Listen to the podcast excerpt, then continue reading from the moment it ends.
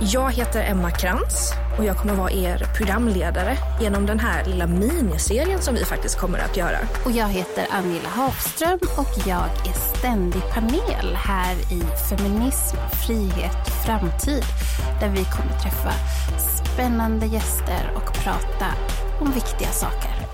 Vi har ett samhälle där det blir allt mer otryggt för flickor och kvinnor att vistas i det offentliga rummet. För att man ska veta ifall någon kidnappar mig till exempel, vart kommer jag vara? Jämställdhet är en frihetsfråga för både män och kvinnor. Så fort någon förtrycker eller fråntar ett barn sina grundläggande fri och rättigheter, då måste vi agera. Och vilka stora hjärtan liberaler har. Ja, men jag har levt länge också, så att Absolut. det är inte så konstigt. Nej, nej, precis. Jag hin hinner fatt en vacker dag kanske. När vi varje dag tar på oss rätten att fatta beslut som påverkar människors liv, då har vi skyldighet att lyssna till eh, vad det är de tycker händer i deras liv och som de vill att vi politiker ska prata om och ägna oss åt. Utan att vi faktiskt ser till att skapa förändringar som gör skillnad på riktigt.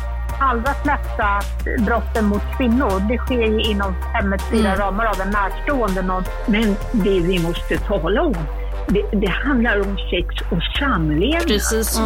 Men jag tror att vi måste bli stoltare över att vi är liberaler.